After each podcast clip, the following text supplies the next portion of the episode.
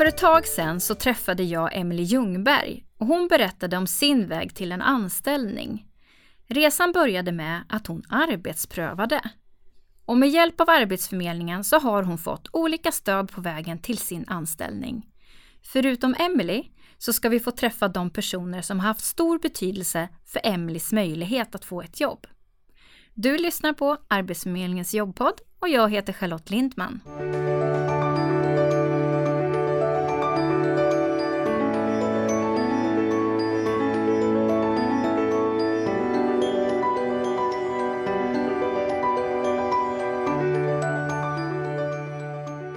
Vi börjar med att träffa Emily.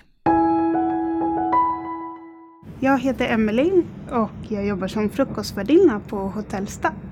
Eh, när jag började arbetspröva här för ett par år sedan så eh, det var ju min eh, CS-konsulent som ordnade det.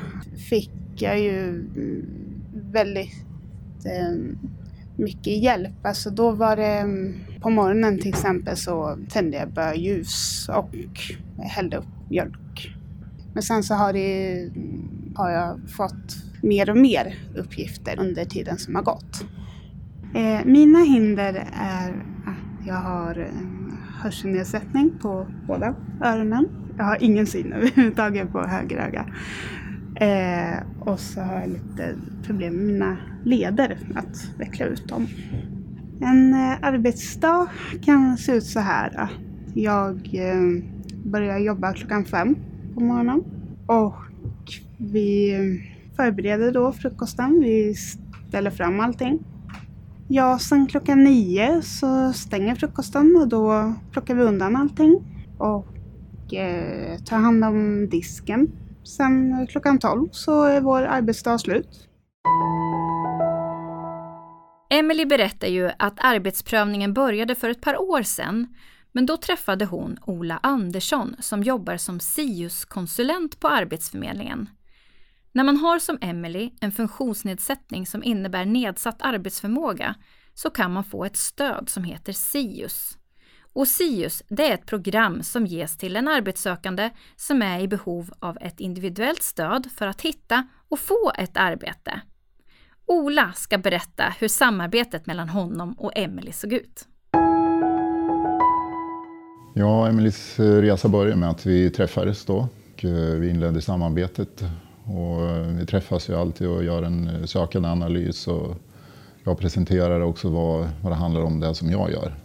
Hur jag arbetar och sen får personen fundera lite och, och så blev det med Emelie. Och jag var där eh, i början i alla fall nästan varje dag. Vi har ju fått anpassa det så att eh, vi har pratat med personalen som man har jobbat med eh, för att de ska också vara upplysta om vad det handlar om. Så att de kanske inte bara slänger ur sig någonting. Emily kan du göra det och det utan att man tittar på henne och pratar så att hon ser att man pratar med henne. För det visade sig sen att, att synen var inte det som det var största problemet med utan det var faktiskt hörseln. För jag kopplade in en eh, synspecialist eh, för hon hade jobbigt eh, under en period med att läsa instruktioner och läsa recept bland annat när hon höll på med frukosten. Men då kom det fram att, att det många gånger var hörseln som var det stora problemet. Att hon inte hörde helt enkelt vad andra sa. Och det fick hon hjälp med så att hon kunde komma till rätta med, med det problemet. Så att hon kände sig mer trygg i sin eh, situation. Vi ska tillbaka till Emily så hon får berätta vilken hjälp hon har fått ifrån Arbetsförmedlingen med hjälp av SIUS-konsulenten Ola. Den hjälp jag har fått från Arbetsförmedlingen är eh, bland annat den här sändaren som eh, förstärker ljud helt enkelt så att jag hör bättre. Och så har vi då den här listan som jag utgår ifrån så att jag får en struktur. Och eh, så behöver jag även ta pauser emellanåt. Eh, och eh, då så kan man ju bland annat stänga av den här.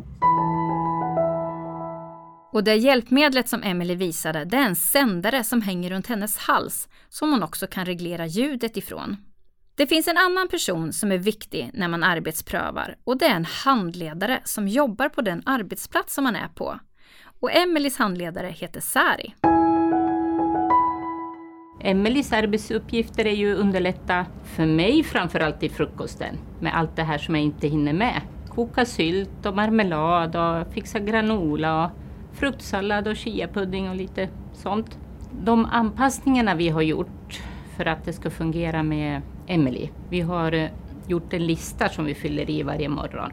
Vad som behöver göras.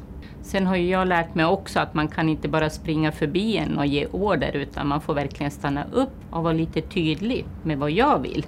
Det är ett ansvar hos mig också. Och sen har vi också anpassat lite att hon får sina pauser. Emelies utveckling här har varit helt fantastisk. Från att vara inte så självständig och inte tordas ta några egna initiativ. Så hon verkligen blivit självständig. Och Emelies självförtroende har ju ökat enormt från att hon kom.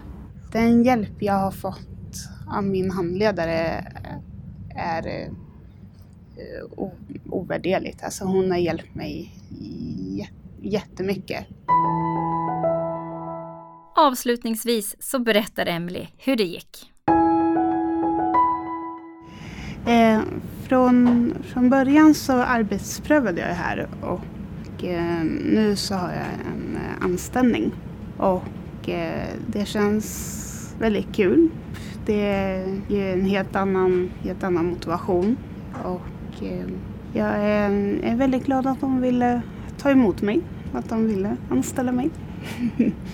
Eh, jag är jätteglad över att jag har fått en anställning idag och jag hoppas verkligen att eh, fler kommer att få den möjligheten. Tack vare Arbetsförmedlingen så kunde Emily få en anställning med hjälp av Sius och en handledare. Tack till Emily, Ola och Sari för att ni ville berätta om vägen till ett arbete. Du har lyssnat på Arbetsförmedlingens jobbpodd och jag heter Charlotte Lindman. Gäster var Emily Ljungberg, Ola Andersson och Sari Eriksson. Tekniker var Andreas Damgård. Har du tankar och idéer på vad vi ska prata om i podden, skriv då till podcast arbetsförmedlingen.se. Det här avsnittet producerades våren 2021. Vi hörs!